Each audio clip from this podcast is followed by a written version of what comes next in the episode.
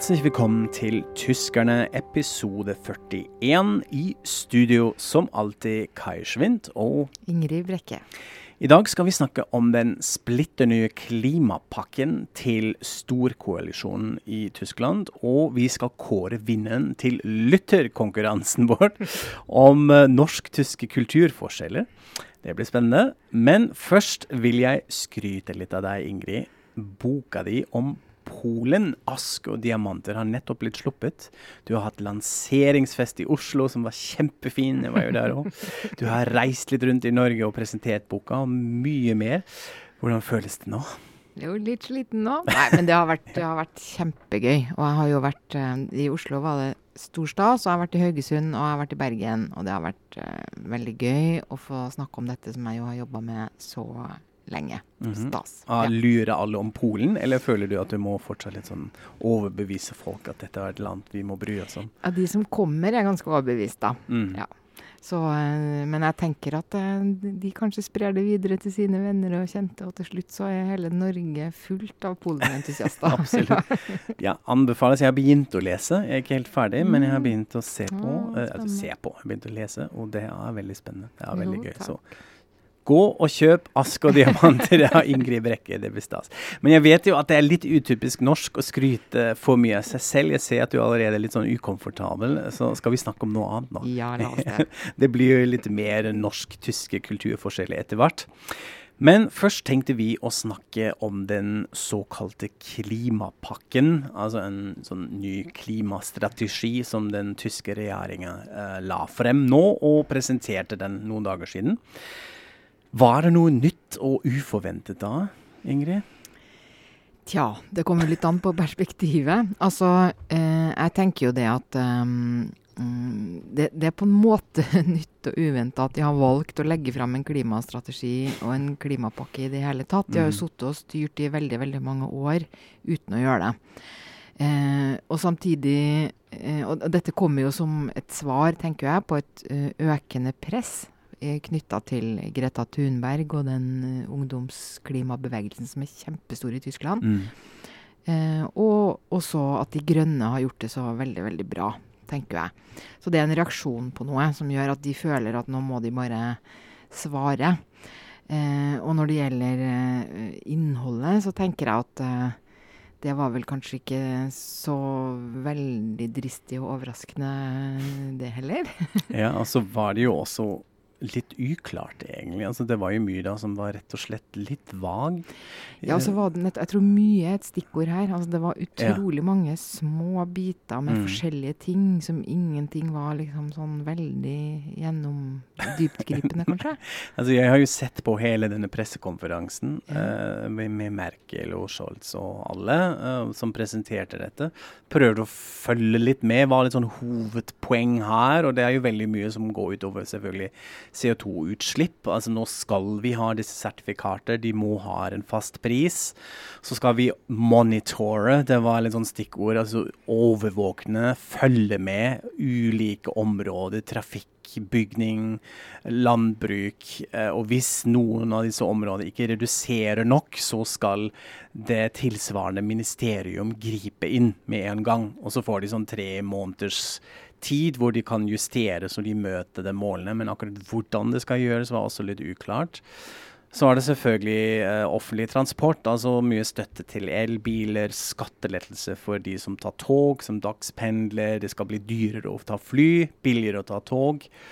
Eh, og så er det med støtte til bare krefter næring. Uh, med hjelp av disse green sustainability bonds, uh, som er også litt uklart hva det egentlig er. Men altså én ting som var, kunne virke veldig klart, da, som ble delt med stor entusiasme på Facebook, og det var at uh, de sto i de store, i ti store de ti største byene, eller i hvert fall i ti store ja. byer, så skulle prisen på årskort på kollektivtrafikken bli satt til 365 euro, altså 1 euro om dagen. Og det er omtrent sånn halvparten av det det er i dag. Um, og, men igjen, det høres veldig fint ut, men heller ikke her var det noen sånn slags klar plan om når skal det skje, hvem skal betale, hvordan skal det organiseres. Men det er i hvert fall den veien det går. da, altså Både i, i Bonn har de hatt dette en stund, og i, som et forsøk. Og i Wien i Østerrike har de Mhm. også kjørt på det. da. Så det er i hvert fall én sånn klar ting som Ja. gleder veldig mange, tenker jeg da. Og det kan man jo også se at dette har jo en stor effekt. Hvis du reduserer den type pris, så hopper jo flere over å ta tog, så det er jo bra. Ja, men ellers har den fått veldig mye kritikk, selvfølgelig, fra alle sider, egentlig. Det syns jeg også er litt interessant å se på. Det er virkelig alle som hadde noe å kritisere. Altså miljøorganisasjoner, industrien, selvfølgelig hele Fridays for future-bevegelse, eh, og da også kanskje De grunnen, altså Grønnpartiet, som var mest ute og si at dette funker ikke helt, eller det er ikke nok. Hva tror du nå? Hva, altså, er det litt sånn farlig for de grønne nå, denne situasjonen? At uh, regjeringen på en måte tar over det spørsmålet til et sånn sentralspørsmål, og så er det jo egentlig deres sak? Uh, kan det være det er en sånn maktpolitisk tankegang bak det? Kanskje de ser seg som den nye SPD-en. Nå begynner de å stjele klærne våre også, og hvordan Ja. skal det gå? Mm. Det, og de gjorde jo allerede det på en måte med, med kjernekraften for noen år siden, etter Fukushima. Nei, jeg, jeg tror egentlig ikke det er så stor fare for det, fordi at De Grønne har så veldig stor troverdighet på dette feltet. Og Ja. man ser jo av all kritikken at troverdigheten her er nok ikke så veldig høy, da. Ja, det er omvendt, ikke sant? Det er regjeringen som ikke har Ja, troverdigheten. mm. regjeringa har ikke så, Mm. så stor uh, troverdighet, og særlig de, nettopp dette at Kan man si det som er veldig bra, og som jeg også har skjønt har fått en del ros, det er jo at man overhodet lager en plan, og man lager også strukturer som man kan fylle med mer og mer innhold etter hvert. Da. Mm. Og f.eks. en hard kritikk har jo vært at uh, disse s- prisene på CO2-utslipp er altfor lave. Ja. Men de eh, kan man jo forhøye. Mm. Så, så det, er litt, det er jo litt sånn, da. Men, men eh, jeg tror ikke de grønne har så mye å frykte. Jeg vet ikke om de føler selv heller at de egentlig har så veldig Ja. mye å frykte. Men vi får nå se. Og det virker jo som en, først og fremst en reaksjon mot en sånn opphisset stemning nå. Altså Dette er selvfølgelig Greta Thunberg, dette er. Fridays for Future, og det er en, Ja. kanskje en sånn behov for å uh, dempe dette litt og holde litt ro og orden uh, i det, som er jo kanskje greit òg. Samtidig uh, føles det jo litt for sent. Altså Dette er jo litt en, en del av det hvordan vi diskuterer miljø og klima nå. At det begynner å bli litt press, og litt ordentlig press. Ja. Og det er litt viktig at vi har det nå. Ja. Så jeg tror, ja. Mm. Nei, for det er jo noe med at, at Angela Merkel var jo kjent som klimakansleren da hun først uh, veldig tidlig i sin maktperiode. Altså Én ting var at hun hadde vært eh, miljøvernminister før hun ble kansler. Så hun kunne jo mye om dette feltet. Og så dro hun veldig tidlig til Grønland og fortalte det tyske folket og resten av verden hvordan isbreene smelta, og nå måtte vi Mm. liksom gjøre noe. Men så kom jo finanskrisen, og da forsvant på en måte det klimaaspektet bort. Og siden har hun på en måte aldri tatt ordentlig tak i det igjen før nå. Og det jeg tror det er absolutt sånn. Det, det er et veldig høyt press på dette nå. Men jeg har også hørt spekulasjoner i en podkast at eh, Merkel skal jo hun, har, hun skal jo denne gangen ikke bli gjenvalgt. Og hun er fortsatt den mest populære politikeren. Hun har fortsatt stor makt. Det kan jo hende at hun har bestemt seg for at nå skal hun prøve å ta noe sånn skikkelig grønt grep. Eller kanskje ikke. Altså, for det er også litt sånn eh, I Anne Will, talkshowet hvor de diskuterte dette, så var jo hennes eh, en av hennes aller nærmeste medarbeidere, Peter Altmaier, var der. Og han sa jo det at de er også veldig bekymra for sånn å opprettholde den sosiale freden i Mm. landet. De er redde for at man skal få sånn gule vester-situasjon, at presset blir for stort. ikke sant? Så det er mange hensyn å ta. Og det vil kanskje heller ikke Merkel ha på seg, da, at hun bestemmer en politikk som fører til opptøyer. Mm. Ja, det har det passet en som egentlig prøver å få med alle litt, på en sånn kompromissaktig Mm. løsning, hvor da blir, faller man kanskje akkurat mellom stolene, også mellom de tiltak som man egentlig burde sette i gang nå. Det er litt rart, fordi meg, det minner meg litt om barndommen min på 80-tallet, hvor man hadde allerede veldig mye sånn klimadebatt, og da var det waldsterben, altså skogen som holdt på å dø, fordi det var så mye forurensning fra industri og autobahn og sånn, og det samme galt, eh, gjaldt elvene, og Rhinen var helt ødelagt fordi store fabrikker, sånn kjemifabrikker som bare leder ufiltrert søppel og gift inn i det.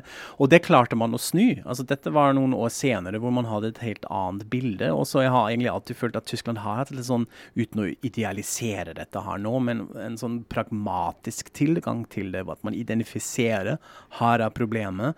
Vi har dette litt sånn romantiske forholdet til naturen vår og miljøet. Samtidig at det også er litt pragmatisk, og så får vi det til. Og Fukushima er jo også et sånt eksempel hvor Merkel, som egentlig ja, jo, hun var på en måte klimakansler, men uh, da ikke nødvendigvis på det tidspunktet. Men da sier hun vi må ut av kjernekraft. Og så gjør man det.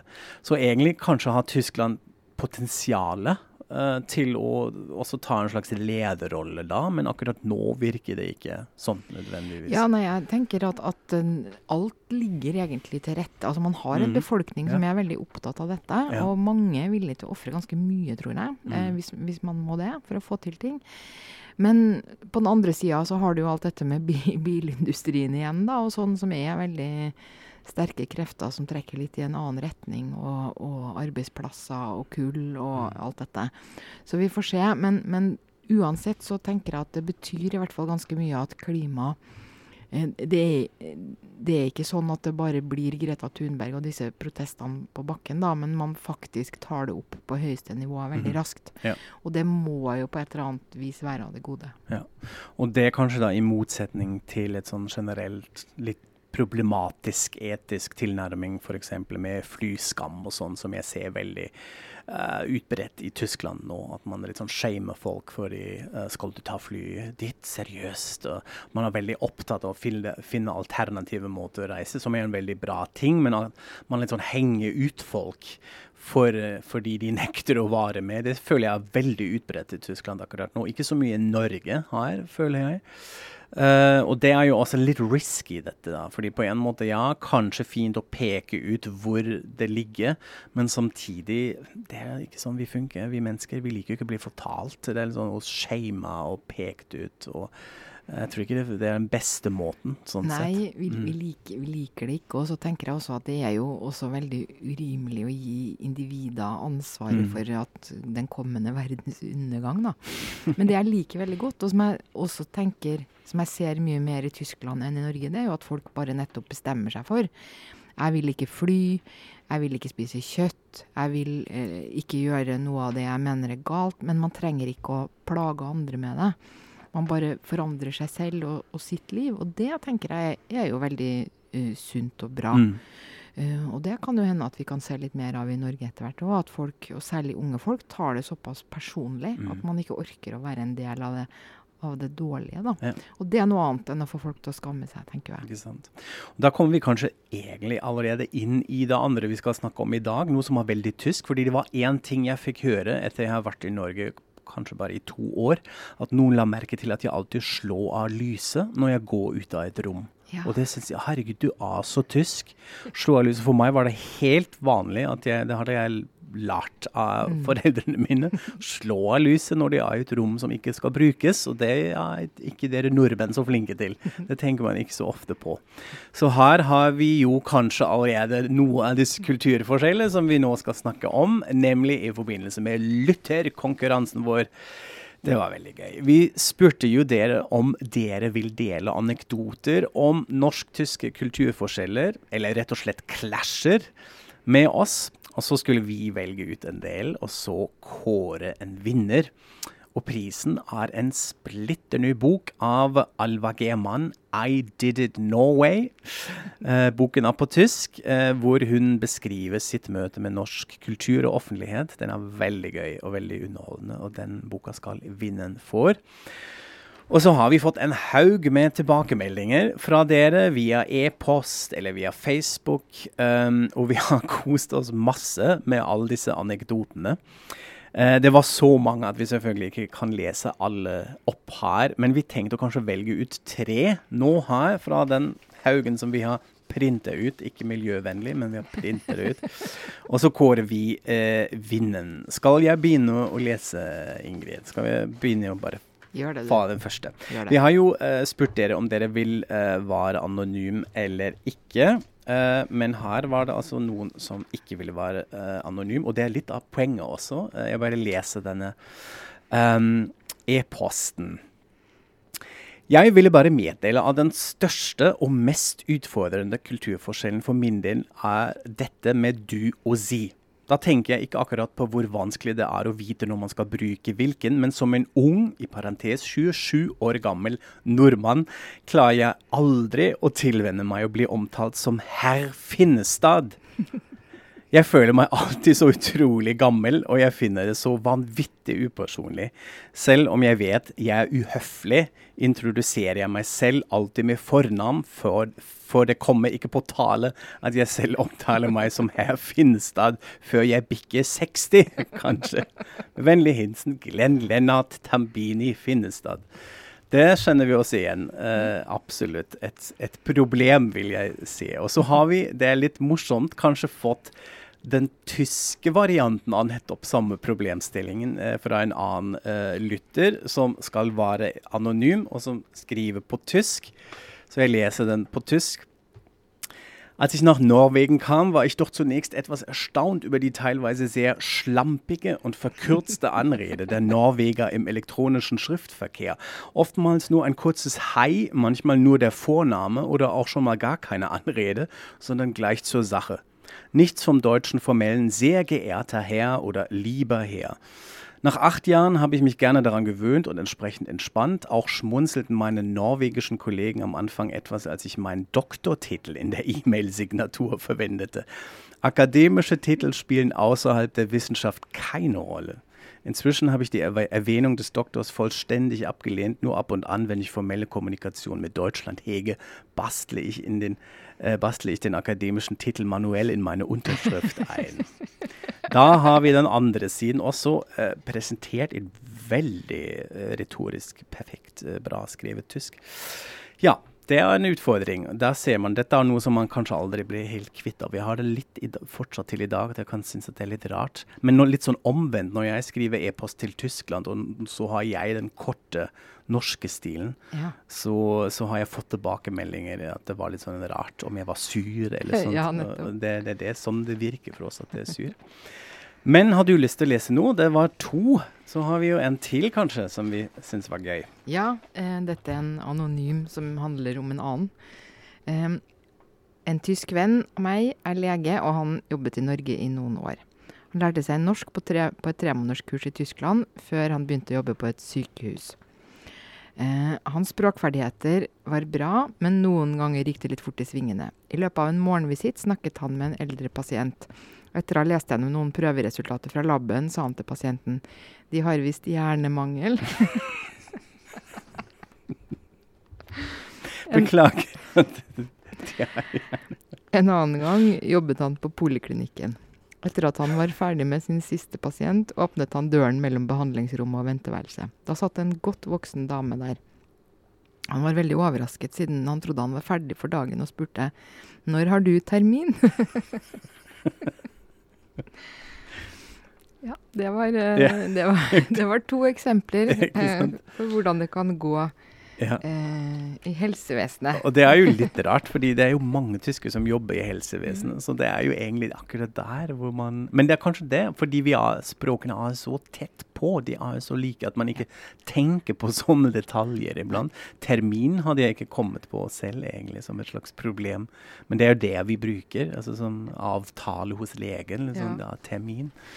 Veldig gøy. Og så må jeg bare nevne én eh, til slutt, som ikke, kanskje ikke nådde helt opp blant de tre, men som jeg syns var utrolig nusselig. Og det er bare en som forteller at eh, hun har studert både i Norge og i Tyskland. Og i Norge så bodde man jo i eh, kollektiv og snakka jo knapt sammen. Eh, og så kom hun til Tyskland, og alle var så hyggelige og pratsomme. Og de var til og med så snille at da hun ble eh, forkjøla og mista stemmen, så kom de og lagde ingefærte med honning og gikk på butikken og visste ikke hva godt de skulle gjøre. Og det var en veldig fin opplevelse å være forkjøla i studentkollektivet i Tyskland, forteller hun. Det syns jeg bare var så koselig. Ja, det var søtt. Og vi er også veldig glad i å være forkjøla. Da kan vi gå på apoteket og kjøpe ting og sånn. Ja, da kan man liksom drive ja. med alle disse teene og pleie. Ja, ja, mm, veldig bra. Nei, det var veldig gøy, dere. Vi har kost oss som sagt eh, masse. Men nå må vi kåre en vinner, Ingrid. Nå har vi hatt de tre. Jeg tror vi er litt enige Ja, det er nok litt enig. Det må jo være hjernemangel. Det må være hjernemangel. Ja. Dette var virkelig veldig, veldig morsomt. Så vi skal ta kontakt, og den anonyme lytteren skal få boka 'I Did It Norway' av Gauman. Så tusen takk til alle eh, dere som sendte inn. Vi tar vare på noen av de, fordi vi eh, tenkte det ja, kan være god, et par ideer. ja, god inspirasjon til eh, temaet vi kan kanskje prate om. Det var mye spennende da, så det skal vi gjøre. Ja, men med det runder vi av for i dag. Følg oss videre på Facebook, hør oss på Spotify, og så er vi straks tilbake og sier auf Wiederhøen. Auf Wiederhören.